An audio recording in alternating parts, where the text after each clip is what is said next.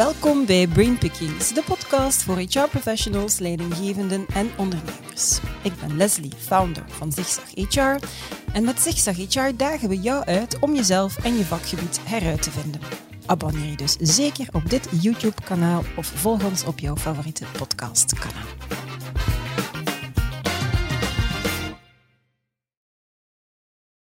Donderdag 11 mei reikte Zigzag HR op Unmask Your Talent de allereerste Zigzag HR Zorro Awards uit, waaronder die voor HR Freelancer of the Year. En het was Wesley Franken die deze award mee naar huis mocht nemen. Wesley zit regelmatig op de fiets, heeft een passie voor ballroomdansen, ademt HR en technologie en is ondertussen 20 jaar actief als HRBP, waarvan 10 jaar als freelancer. Het was zijn schoonvader die hem de spreekwoordelijke schop onder zijn kont gaf om aan de slag te gaan als freelancer en heeft er dus nog geen seconde spijt van. Is doordrongen van de meerwaarde van freelancen en probeert ook zoveel mogelijk andere professionals te enthousiasmeren en te informeren over de voordelen van werken als freelancer. En dat heeft hij alvast gemeen met Sofia van Overmeijer en Jill Everaert van HR Talents en trotse award partner. It's a great time to be in HR en al zeker als freelancer. Welkom. Goedemorgen. Goedemorgen. Alles goed met jullie? Absoluut. Zeker. Zijn jullie er helemaal klaar voor dat ik in jullie hoofd kruip? Drie mensen aan de andere kant van de tafel. Nou, het is een klein beetje intimiderend, maar ik heb er zin in. Ik ga bij jou beginnen, Wesley. HR Freelancer of the Year. Duidelijk het toppunt hè, van uw loopbaan is Zeker. daarmee bereikt. Hè. Misschien toch nog even stilstaan bij de andere mijlpalen in uw carrière. Wat waren zo de belangrijkste momenten en wat waren de groeiversnellers daarbij? Ik denk dat het freelancen op zich, hè, tien jaar geleden, ehm, op zich wel de boost was die ik op dat moment nodig had. Ehm, en ja, omdat je tijdens het freelancen, je wordt eh, elke, elk jaar, elke twee jaar wel in een andere omgeving eh, gedropt. eh, Mhm. Waar ook weer andere persoonlijkheden zijn, andere CEO's, andere leidinggevenden, waar je mee te maken hebt. En ik denk dat dat een beetje de rode draad is. Mensen rondom mij, die mij telkens eh, wel een stukje ja, gestuurd hebben in die groei. Mhm. Ehm, ehm, ik denk dat dat een, eh, voor mij het belangrijkste is. Ja. Eh, anderzijds ook wel, wat ik ook wel als tip wil meegeven, eh, ook, ook af en toe een eh, misschien wat atypische opleiding te volgen. Mhm. Ehm, een beetje ja, eh, buiten de comfortzone, laat ons zeggen, om, Ja. om je ook wat scherp te houden. Ehm, zoals Design Thinking, Scrum Master heb ik bijvoorbeeld gevolgd, wat toch niet direct in de Nee. HR-wereld eh, terug te vinden Mhm. is, maar waar je dan toch weer een andere kijk op, Ja. Eh, op HR krijgt. En waar laat je dan door leiden om die atypische opleidingen te vinden? Is dat echt van, pop, ik heb hier zin in? Of mensen die u dat aanraden? Of? Ja, ik denk dat het zal een combinatie zijn. Hè, maar ik denk dat dat vooral te maken heeft, afhankelijk van het project waar je dan op dat moment mee bezig bent. Mhm. Is dat in een IT-sfeer? Is Ja. dat eh, meer in een agile omgeving? Ja, dan, eh, dan wil ik daar ook wel meer over weten Ja. en dan ga ik wel op zoek. Ja, eh, en even graven. opleiding. Ja, ja, ja. Oké, leren als een spons. hè. Ehm, Sophia en, eh, en Jill, jullie ontmoeten dagelijks HR-freelancers. Wat maakt iemand een echte freelancer? Wat zijn zo de voornaamste beweegredenen om te zeggen van, kijk, dat, dat is echt een die-hard freelance professional? Goh, ik denk dat het moeilijk is om, om echt een, een definitie van wat of wie is nu Mhm. een, een echte freelancer. Ehm, er bestaat eigenlijk ook niet echt een, een uniforme definitie Mhm. van een freelancer. Ehm, als je naar de origine van het woord teruggrijpt, ik weet niet of dat iedereen dat weet, maar eigenlijk Ik alvast niet. dat Mhm. komt eigenlijk, wel, dat eerste woord werd al heel lang geleden gebruikt, is voor de eerste keer opgekomen in 1819. Zo. Ivanhoe. En wat was eigenlijk een freelancer? Dat was dus eigenlijk een lancier. Die zijn lans hè, ehm, ter beschikking stelde van de meest biedende. Maar. Ja. Die term is dan eigenlijk doorvertaald naar onze Nederlandse taal. We hebben dat gewoon overgenomen natuurlijk. Ja, zoals veel woorden. Zoals veel woorden. En ja. eigenlijk, als je dat nu vertaalt naar hoe, hoe kijken wij naar een freelancer, dan is het in dit geval niet meer die lans die ter beschikking wordt gesteld, maar dan wel iemand zijn expertise, zijn Ja. kunde, zijn diensten. Aan de hoogste bieder. Ja, en dan kan je die hoogste bieder ook nog gaan interpreteren van, ja, heeft dat dan te maken met degene die het meeste gaat betalen, aantrekkelijkheid van de opdracht, al die dingen. Dus vandaar komt eigenlijk het woord freelancer. Oké. Ja, Ik vind, dat vind ik al een heel fijn wistje dat je om deze podcast op gang eh, mee te trappen. Maar oké, er is geen definitie, maar herken je dan een freelancer als die binnenkomt? Dat je denkt van, oh, die heeft het in zijn of haar bloed? Of... Ik denk dat er sowieso een aantal kenmerken uh, een freelancer, of welke term dat we daar dan ook gaan, gaan geven, uh, dat die heel typisch zijn. Ik denk dat het sowieso iemand is die, die met flexibiliteit en onzekerheid moet kunnen omgaan. um, en die dat daar ook um, met een growth mindset ja. naar kijkt, hè, die zich daar niet door laat ontmoedigen.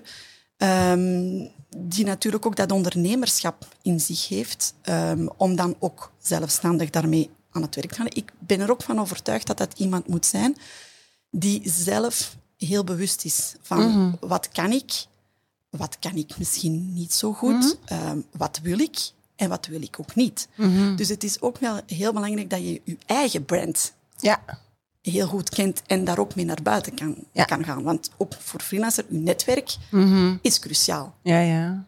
Um, dus dat is ook wel een van de kenmerken, uh, dat stakeholders management, mm -hmm. uh, dat je toch wel in jezelf moet hebben. Um, of waar dat je aan, aan, aan kan werken natuurlijk. Mm -hmm.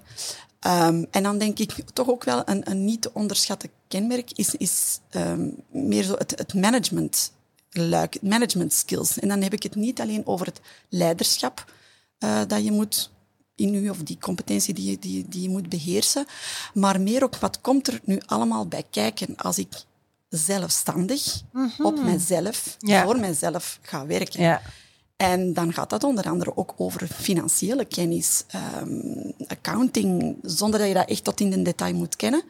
Maar dat zijn toch ook wel bepaalde aspecten die je niet mag vergeten. Ja, waar mensen die goesting hebben om freelancer te worden, misschien niet noodzakelijk bij stilstaan, maar waar dat jullie hen dan ongetwijfeld Absoluut. over informeren van wist je ook dat. En jij herkent u daarin in die helemaal. omschrijving ja. helemaal. Oké, okay, dat is uh, goed. Zeg, wat maakt dan bijvoorbeeld dat mensen dan terugkeren? Dat ze voor freelance gaan en dan om een of andere reden. En dan heb ik het nu niet noodzakelijk over een opportuniteit, want soms passeert een opportuniteit en wordt gevraagd, dat is het statuut. Misschien kan het zijn dat je daarom terugkeert, maar mensen die dan toch zeggen van, het is niet voor mij, wat, wat, wat, wat zijn daar zo de voornaamste beweegreden? Is dat dan het gemis aan die competenties die je net omschrijft? Of? Goh, daar ben ik niet zo zeker van, want ik ben ervan overtuigd, een competentie kan je altijd leren. Mm -hmm. Dat heeft dan weer te maken met van hoe ver wil ik zelf groeien.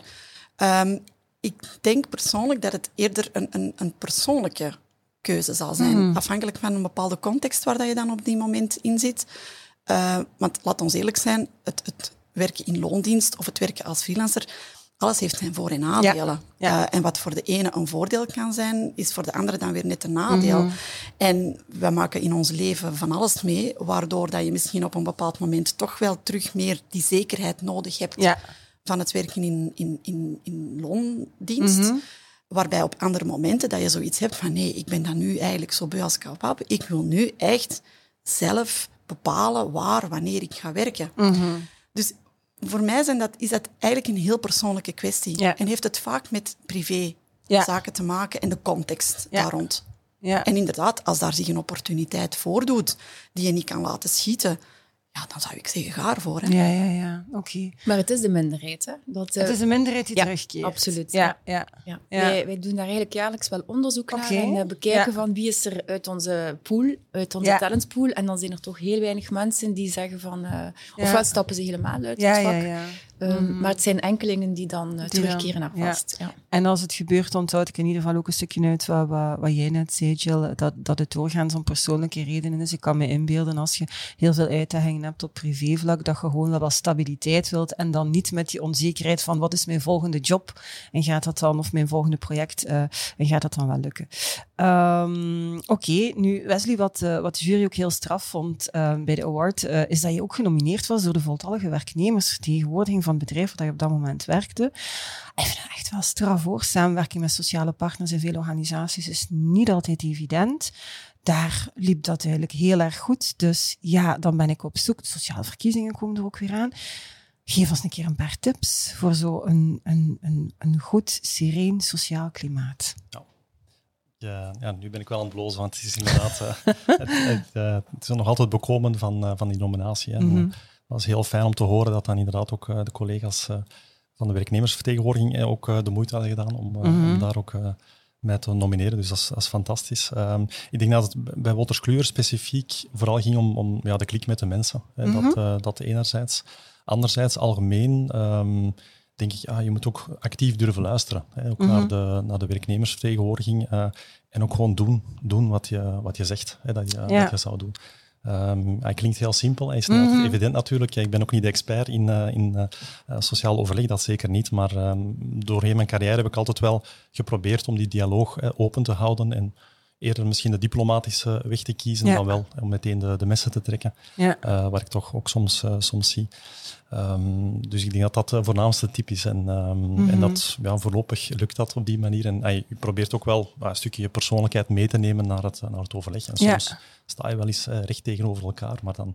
Ja, iedereen heeft zijn rol natuurlijk tuurlijk, ook te tuurlijk. spelen. Hè? Ja, dan, maar dan geloof ik er wel in dat, dat je ook door informeel overleg of door op andere momenten toch weer de hand uitreiken, dat je wel tot een, tot een consensus kan komen. Mm -hmm. Ja, maar je zegt ook een, een klik je kunt een klik ook bewerkstelligen door een communicatiestukje aan te passen. Als je goed luistert en begrijpt hoe de andere persoon communiceert en wat hij nodig heeft en je gaat daarmee aan de slag, ga je ook wel een paar stappen vooruit. Uh, nee, dat, dat is ook zo. En, en ik zie ook de werknemersvertegenwoordiging ook altijd als een, ja, een partner, omdat zij natuurlijk ook wel eh, vanuit de omgeving eh, heel wat opvangen, ook van werknemers. Dus uh, op die manier kan je er ook, ook uit leren. Um, dus als je met die ingesteldheid ook naar, naar het overleg gaat, ja, dan dan merk je ook wel dat, uh, dat er wederzijds respect is. Mm -hmm. En dan ga je ook op een andere manier uh, in gesprek. Ja, ja zeker.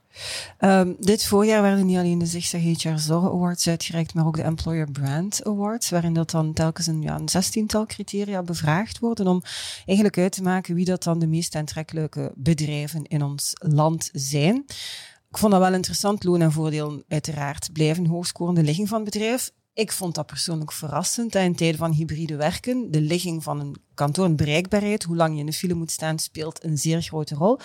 Maar wat ik dan eigenlijk interessant zou vinden, is hoe zit dat dan bij freelance professionals? Als je zo die 16 criteria zou aftoetsen en je zou zo ook een bevraging doen, eigenlijk waarom doen ze dat nog niet, vraag ik dan meteen ook af. Uh, hoe zou dat eruit zien? Wat maakt dat een freelancer voor een kiest een freelancer voor een bedrijf? Kiest een freelancer voor een project? Kiest een freelancer omdat hij iets wil leren? Hoe, hoe, hoe werkt dat? Ja, voor mij persoonlijk is dat altijd een, een combinatie. Mm -hmm. um, ik heb wel een, een, een, brede interesse, laten we zeggen, maar ik vind het wel leuk om, uh, om voor een bedrijf te werken waar je ook wel, wel uh, met enige passie over het product kunt spreken. Hè. Dat, mm -hmm. um, en je bent toch op dat moment ook een stukje ambassadeur hè, voor, dat, uh, voor dat bedrijf. Um, anderzijds, ja, de opdracht aan zich ja, die, ik denk dat de omschrijving eh, bij de start ook vaak wat anders is dan, dan eh, wat je Dan de effectieve opdracht. Dus, maar dat, ja, dat is dan ook wel... dat is bij vacatures ook. Ja, maar dat is, uh, ja. dat is ook, wel, uh, ook wel het leuke aan freelance, mm -hmm. dat je ook wel een beetje aan je hand kunt zetten. Um, maar qua omgeving, denk je, misschien het voorbeeld van Brussels Airport, mm -hmm. heb ik uh, eigenlijk mee, met heel veel passie gewerkt. Ik, ik, het moment dat ik daar in die omgeving was, ik was, ik was on, on, ontzettend gelukkig, omdat ik ook wel een beetje de, de reismicrobe heb. Mm -hmm. um, dus die locatie heeft ook wel veel gedaan voor mij. Okay. Um, uiteindelijk twee jaar en een half gewerkt. Ik denk dat het een opdracht was van drie maanden uh, gestart, dus uh, ik ben wat, ja. wat uh, blijven hangen. Maar um, dus ik kan, kan wel bevestigen dat locatie wel iets doet, ook voor een ook, freelancer. Ook voor freelancer, ja. Um, ja. En ik denk dat de werkgevers dat ook wel vaak onderschatten. Dat locatie of hoe je het inricht, hoe je het hoe het uh, effectief ook uh, ja, en misschien gezellig maakt ook voor mm -hmm. de werknemers, dat dat ja. echt wel ook naar veerkracht toe of naar, uh, naar graag werken, dat dat echt ja. een impact kan hebben. Absoluut. En, en zou er ergens een hiërarchie in zitten volgens je? Omdat je zegt in het begin van ja, het is natuurlijk een combinatie en, en een bedrijf waar dat je je kunt in vinden of het product of als het nu echt een fantastisch project is, waar je je helemaal gaat kunnen uitleven, maar het bedrijf je hebt er eigenlijk niet zoveel affiniteit mee. Ga je het dan toch doen? Ik zou het wel doen. Ja, okay. ja omdat uh, de opdracht, ja. uh, um, dat is dan ook weer het voordeel van freelance. Het is voor een bepaalde opdracht, ja. een bepaalde, bepaald afgeleid project waar je echt volledig uh, voor kunt gaan. En dan zet je dan weer iets meer, en misschien in die periode, wat in op je persoonlijke groei, hè, om, mm -hmm. om, daar ook weer stappen in te zetten. Ja. dus ik, ja, zeker. Oké, okay, mooi. Dat, dat, is herkenbaar als jullie dat horen, of naar andere boodschappen of verhalen? Nee, absoluut. Um, ik denk dat in 2022 Uniso daar trouwens ook een, uh, een onderzoek naar heeft gedaan.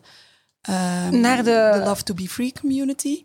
Waarbij dat ze eigenlijk aan hun freelancers gevraagd hebben van kijk, okay. net zoals dat men dat eigenlijk ja. doet bij werknemers. Want in die end, het gaat nog altijd over mensen die ja. hun expertise en hun, hun, hun, kennis ter beschikking stellen van ofwel een werkgever ofwel mm -hmm. een opdrachtgever.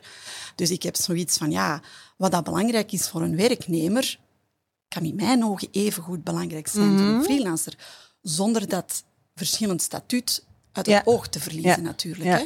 Eh, maar uit dat onderzoek bij Unizo kwam dus, net zoals dat Wesley eigenlijk ook net aangaf, ehm, op nummer één het feit dat de opdracht perfect past bij wat dat jij graag doet, heel goed kan. Ehm, echt een job dat bij jou past. Op Mhm. nummer twee kwam, het moet ook een job zijn die voldoende uitdagend is. Mhm. En dan in de top vier, als ik mij niet vergis, kwam ook nog ja, de flexibiliteit. Mhm. Komt dan weer terug op het locatiegegeven, van waar Ja. en wanneer kan ik werken. En dan op nummer vier stond autonomie. Ja. Dat is dan weer over hoe ga ik mijn werk invullen. En wat dat ik wel ehm, opvallend vond, was dat de beloning hè, bij werknemers Ja. blijft dat toch nog altijd een Zeer heel belangrijk, eh, belangrijk punt. Ik kan niet zeggen dat dat voor freelancers helemaal niet het geval is. Dat is inderdaad Mhm. zo. Ehm, maar dat stond toch helemaal van onder op de ranglijst. En ik denk dat daar dan het verschil zit, dat ehm, freelancers dat dan net iets meer op de lange termijn gaan bekijken. Mhm. Er is hier een bepaald project. Zij zien inderdaad van, oké, what's in it for me? Op deze moment is het misschien iets minder financieel interessant, Mhm. maar op lange termijn ga ik er misschien wel meer uithalen Ja. voor mezelf. Dat vind ik inderdaad heel interessant. Ik, die studie, ik weet dat ze inderdaad altijd wel eh, een aantal bevragingen doen, maar over aantrekkelijkheid, van, dat, dat, dat heb ik eigenlijk een stukje gemist. Wat helemaal ideaal zou zijn, is als we de echte 16 criteria gewoon naast elkaar zouden kunnen Ja. zetten. Hè. Ik zou dat heel boeiend vinden. Ja. Zou heel veel informatie kunnen eh, naar voren brengen voor werkgevers en, en alle actoren die in gans dit debat betrokken zijn. Ik zou graag met jullie ook een aantal ehm, HR-trends doorlopen. De eerste is Unlocking the Workforce Ecosystem. Heb ik uit de Global Human Capital Trend Report van Deloitte gehaald. Wat er eigenlijk een stukje op neerkomt dat we nog altijd heel erg vastzitten in het traditionele HR, hè, waarin dat HR ook om juridische redenen zich vooral bezighoudt met mensen die aan het bedrijf gebonden zijn door een klassieke arbeidsovereenkomst. En we weten juridisch en dat, dat, dat er beperkingen zijn. Maar langs de andere kant, in een talentpool is zoveel diverser, complexer, grenzeloos eigenlijk bijna. Dus de, er, is, er is veel meer mogelijk. Ik begrijp nog altijd niet dat HR daar niet een bredere rol in opneemt binnen dat wetgevend kader. Welke rol vinden jullie dat HR hierin zou kunnen opnemen of misschien zou moeten opnemen? En wat is daar dan voor nodig? Wat maakt dat het nu nog niet gebeurt?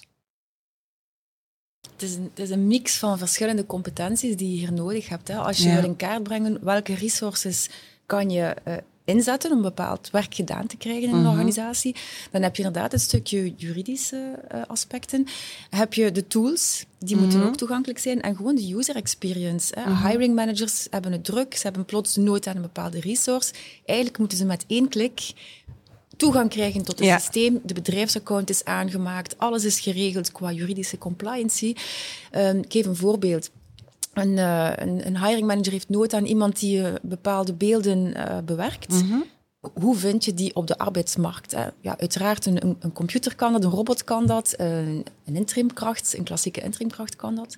Als HR zou je moeten een platform ter beschikking stellen waarin dat je zegt van ik heb, die of ik heb dat soort werk nodig. Je definieert het en onmiddellijk word je geleid naar een aantal mogelijke aanbieders van die ehm, resource. Met een vergelijkende prijs daarbij en zo.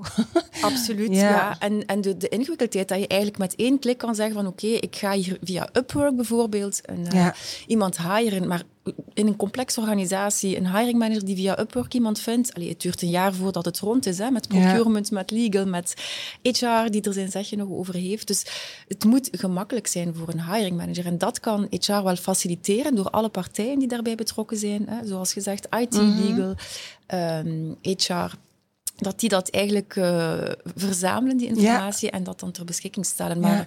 dat is een, een, geen evidentie. Hè. Dat is, eh, Nee, maar we zouden er wel kunnen aan beginnen. Ja, zeker. Er zijn Ja. bedrijven die er al mee bezig zijn, hè. absoluut. Hè. Ja, ik spreek even, even gewoon uit mijn, eh, mijn eigen ervaring, maar ik denk dat HR nog wel meer kan doen om inderdaad eh, non-traditional workers versus Ja. de anderen ook wel eh, meer te omarmen.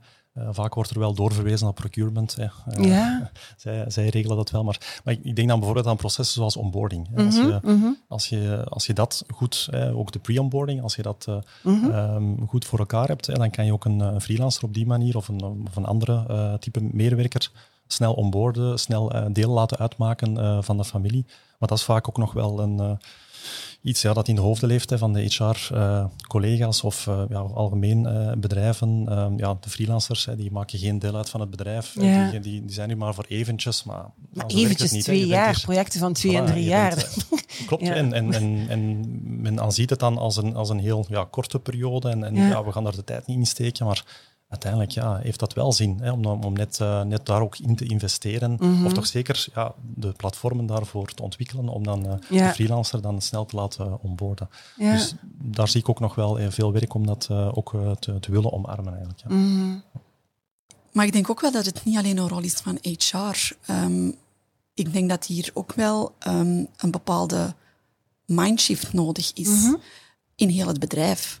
Um, en ik denk maar als je op een bepaalde of een andere manier naar je uh, ja, poelen gaat zien van mhm. talenten, los van het statuut dat iemand dan mhm. heeft, maar vooral kijk naar, oké, welke skills hebben wij nodig om een bepaalde werk, werk of bepaalde taak hier um, te volbrengen, um, dat je daarmee een veel openere geest naar gaat kijken ja, dat gaat er ook wel voor zorgen dat je veel sneller gaat kunnen schakelen als bedrijf. Maar dan start het ook wel met hoe kijken wij naar ons, ons, ons werkpotentieel, naar het talent dat we hier mhm. in-house hebben. En dan gaat het zowel over het, het traditionele werknemerspotentieel, mm -hmm. maar evengoed daarbuiten. En hoe willen wij daarmee verder gaan? Hebben wij daar een bepaalde visie, een bepaalde missie rond? En HR zit daar voor mij in de driver's seat, mm maar het HR gaat dat niet alleen kunnen oplossen. Nee, nee, nee. Want het vraagt ook vaak een volledige change bij leidinggevende. want het, het is ook zo, hoe kijken mensen, collega's naar elkaar? Hoe kijken leidinggevenden naar vaste medewerkers? En dan plots komt daar zogezegd een externe bij. Mhm. Ja, ik moet daarmee oppassen. Mag ik daar dezelfde dingen van verwachten als wat ik verwacht van, van mijn andere uh, teamleden? Dus daar zit wel wat meer achter dan louter uh, zeggen van ja, we gaan nu ook freelancers aanwerven. Het, het, voor mij moet daar ook een soort van strategisch plan achter zitten. Ja. dat je ook een beeld hebt van wat gaat dat ons kosten? Uh, voor welke uh, jobs gaan we wel freelancers inhuren en voor mhm. welke jobs niet? Tot waar willen wij daarmee gaan?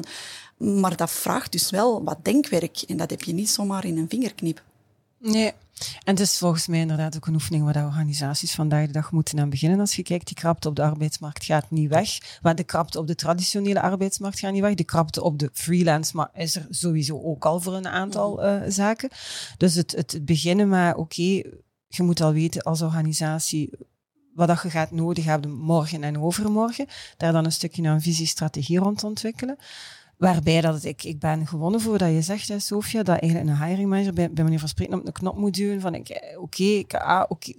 En dat doet er niet toe wel, welk systeem of, of welke flow dat erachter zit. Dat moet geregeld zijn. De bedoeling is dat, dat het werk gedaan kan worden met de persoon die daarvoor het best geschikt is, die op de juiste plaats zit en de juiste prijs, uiteraard. Mhm. Dan ook. Zoiets. Ja. ja en, en, misschien ook het idee wat loslaten dat... Uh, medewerkers maar aan één ja, werkgever of aan één opdrachtgever uh, loyaal kunnen zijn. Ik denk dat er een, je ziet ook de evolutie van, uh, vooral de jongere mensen zijn er ook naar op zoek naar een stukje community, mm waar ze dan ook een soort community opbouwen rond expertise, maar dan wel bij klanten effectief ook als projectconsultant of dergelijke gaan werken. En dan, ja, dat, dat moeten we toch wel meer uh, beginnen ja. omarmen, denk ik, ook, uh, ook binnen HR. Ja, de multiple job holding. We hebben daar in de tijd ook een podcast over gedaan. Ik, ik was ervan geschrokken. Ik, ik, ik onderschatte het fenomeen ook bij jongeren. Ja. In mijn hoofd zat voordien echt het idee dat jongeren toch wel die zekerheid willen. Uh, en eigenlijk, we mogen ze uiteraard niet allemaal over dezelfde kam scheren, maar de meerderheid wil effectief projectmatig zich aan verschillende opdrachtgevers of werkgevers een tijdje gaan, die willen zich daarin nestelen, mensen leren kennen, netwerk uitbouwen, leren en verder gaan. Ik vind het eigenlijk een fantastische manier om naar te kijken. Maar ik had het onderschat. Ik, uh, ik heb mijn visie al een beetje moeten, uh, moeten bijstellen. Boeiend, boeiend, boeiend. Ja, zeker. Um, tweede trend. Ja, is helemaal jouw ding dan, denk ik. Data-driven HR en HR analytics. En cruciaal, maar ik heb echt de indruk dat zoveel jaar verder HR nog altijd dapper die andere kant op kijkt. Ondanks weer op de vlerenkuts een HR-barometer. Niet belangrijk, niet competent Allee, ja, dus als je kijkt van welke items vindt HR zich bij grote bedrijven, voelen ze zich competent over en in welke mate vinden ze dat iets dat, dat belangrijk is, dat een prioriteit is.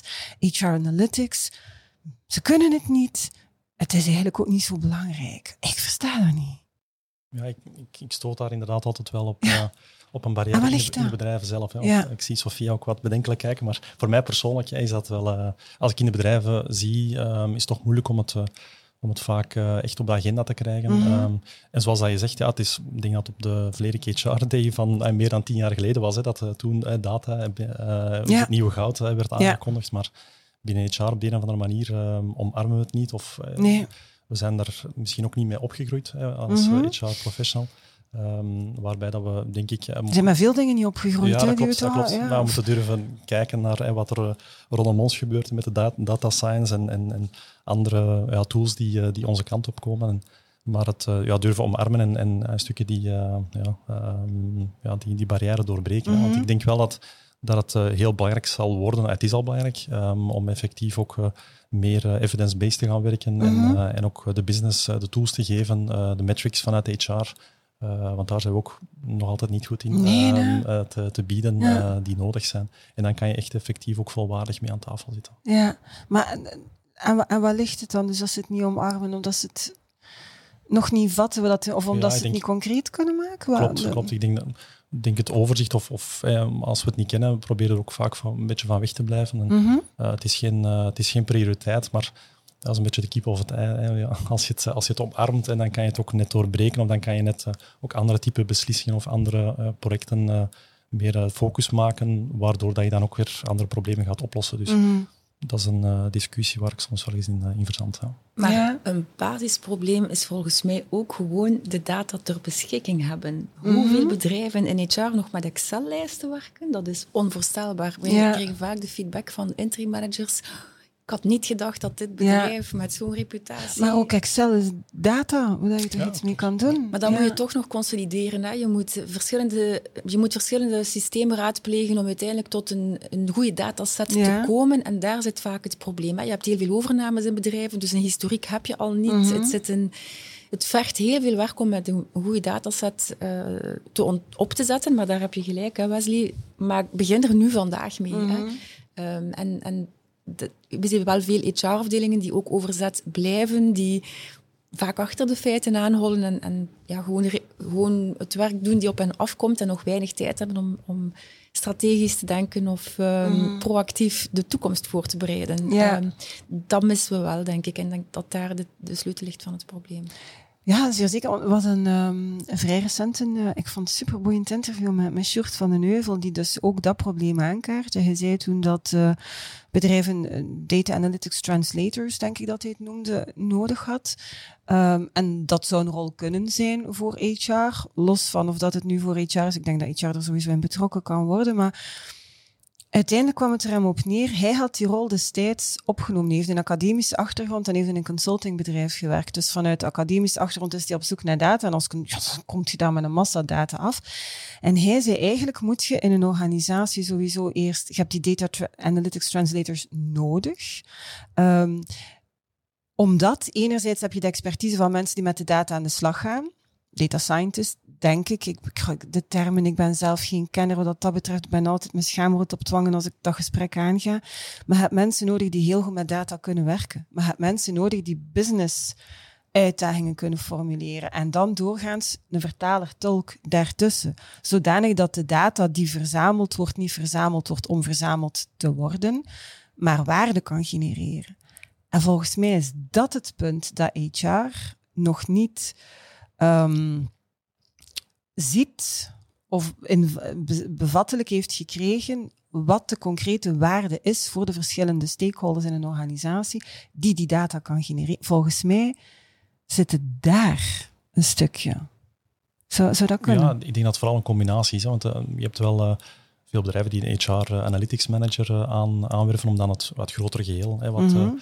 te, gaan, te gaan uitzetten. Maar het moet in de hoofden van de verschillende HR-professionals ook wel landen. Hè, dat, ja. dat, we data gaan gebruiken om bepaalde beslissingen te nemen. Mm -hmm. um, dus daar, daar volg ik uh, Sjoerd uh, wel helemaal in. Hè. Mm -hmm. Stukken die uh, ja, business analyst bij van spreken te zijn om, om effectief te, te, luisteren naar de business van wat, is er nu nodig mm -hmm. of, of, waar gaan we dan effectieve linken leggen, want dat is, dat is ja. vaak de moeilijkheid. Ah, wel, vandaar um, die vertaler. Ja, ja inderdaad. Om, om, maar ook, welke vraag moet welke dan, vraag of, en welke data hebben we daarvoor nodig? Klopt, inderdaad. Hè, om, om, betere vragen te stellen. Hè, om, om, om, effectief um, en meer naar to the point te gaan van, mm -hmm. van wat het probleem nu precies is.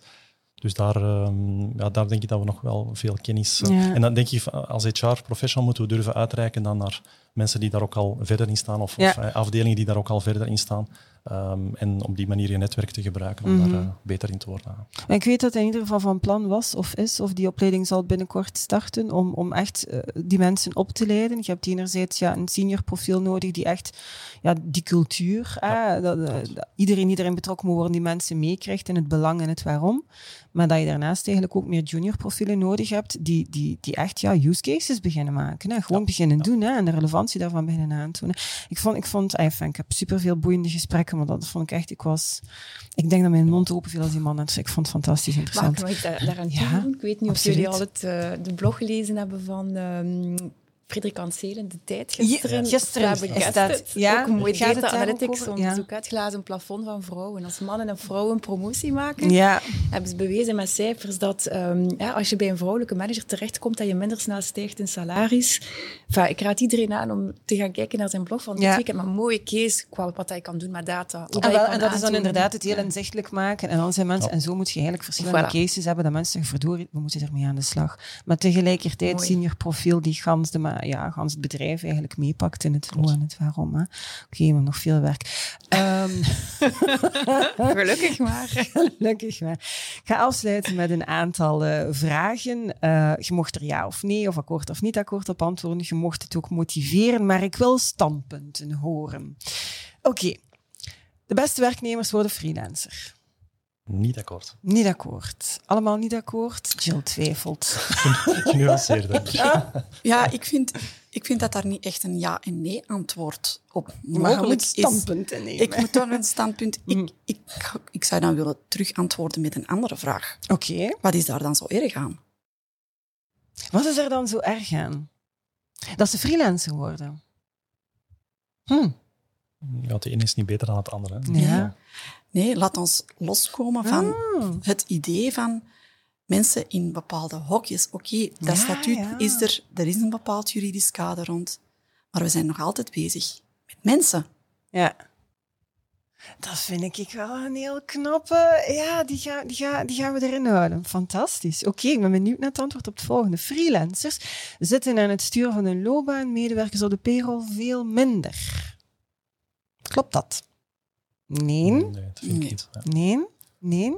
En hoe uitzicht dat dan? Dat dat dus, eh, hoe zien we dat dan vertaald in de praktijk? Dus dat zowel freelancers als mensen in loondienst continu met opleiding en ontwikkeling en groei bezig zijn. Hoe zien we dat? Dat dat ongeveer hetzelfde is.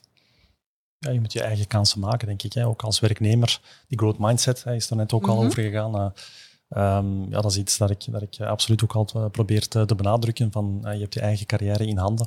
En eh, er zijn heel wat bedrijven die heel mooie eh, trajecten aanbieden. Mhm. dus daar ook Zeker. vooral Ja. voor gaan en, eh, en dat ook eh, meenemen. En gemiddelde duur van een freelance opdracht hè, is een jaar, twee jaar. Als je in een vastdienstverband zegt, ik heb het gehad, ga je ook op zoek Ja, naar een ja, andere dat opportuniteit. klopt, en vind je het niet Ja. intern, dan zoek je het wel Ja. extern. Hè. Dus de, de gemiddelde duur convergeert naar elkaar toe. Ja, hè. ja. Vast of freelance statuut, van een project of opdracht. Zeer zeker. Oké. Iedereen zou twee jaar als freelancer moeten werken om te beseffen hoe goed er voor medewerkers gezorgd wordt. Nee, totaal Nee? niet. Nee. ik had andere antwoorden verwacht. Oké. Ik, vind het, ik vind het best verrassend. Nee, dus om, eigenlijk weten werknemers dan best genoeg van zichzelf hoe goed dat er voor hen gezorgd wordt. Ja, ik ben daarvan wel. overtuigd. Mhm. Ja, ja. En laat ons ook niet vergeten, het gras op een ander is Ja, altijd ja. wel groen. Ja. Hè? Ja. Oké. Ik ga hier toch standpunten nemen. Dat zou nu de vraag geweest zijn waarop dat ik zeg... Verdorie, je weet pas hoe goed er voor jou zorg gedragen wordt als je in dienst bent van een bedrijf, als je niet meer in dienst bent van een bedrijf. Dan pas begrijp je wat dat je allemaal zelf moet regelen, wat een werkgever allemaal voor jou betaalt.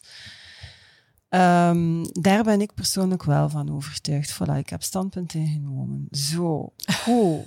Verrassende antwoorden van jullie. Oké, HR, ja, ik zou het antwoord denk ik kennen op de volgende vraag. HR moet zich ook buigen over talentmanagement van freelance professionals. Niet akkoord. Maar alleen. We hebben niks afgesproken.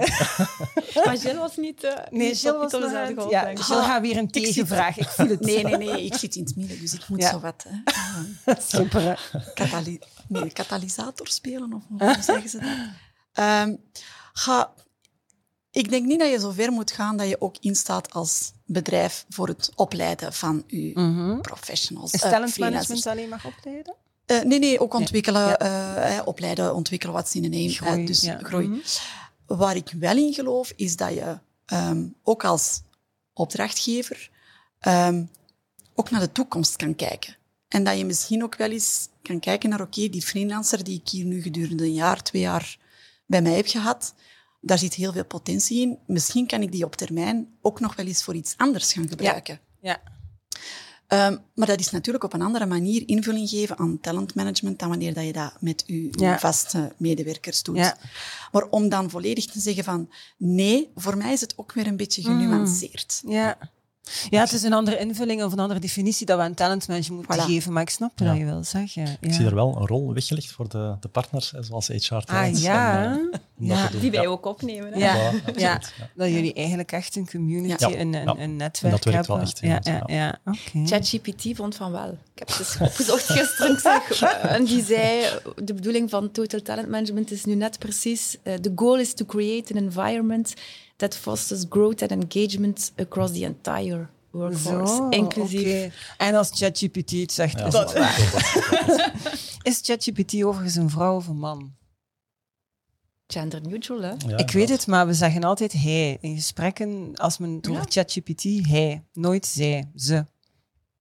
Het valt mij op. Vandaar dat ik de vraag systematisch begin te stellen. Het is dus een app, ja. Maar het- het- de app voelt heel menselijk, hè? Ja. Als je er een vraag aan stelt en je ziet, eh, begint, ik, ik, vind, ik vind het eh, goed. Maar dus als ChatGPT het zegt, dan gaan we ermee aan de slag, hè, Sophia. ik ga afsluiten met het grootste misverstand dat er is over freelancers. Wat is dat volgens jullie? Wesley, ik ga beginnen met jou. Ik denk dat het al gevallen is hè, dat, ehm, dat freelancers niet loyaal zouden zijn. Ik denk dat ehm, ik, ik moet eh, dagdagelijks aan mijn netwerk bouwen en, en als ik een steek laat vallen op een eh, project, hè, dan, eh, dan via mond-aan-mond reclame gaat dat ook wel, wel rond, denk ik. Dus in die zin probeer ik daar echt wel, ehm, wel heel hard aan te werken en, en ook met commitments na te komen naar de, naar de verschillende partners eh, waar je ook mee samenwerkt. Ook omdat ja, je op lange termijn ook met die partners kunt, kunt samenwerken, Ja. bedrijven. Eh, ik heb al verschillende voorbeelden gehad waar ik aan verschillende opdrachten met jaren tussen heb gedaan. Ja. Dus op die manier eh, is dat we, eh, dan ben je toch loyaal aan dat bedrijf doorheen die jaren. Dus freelancers zijn wel loyaal, dat hebben we al recht gezet. Jill, dan ga ik even bij jou komen.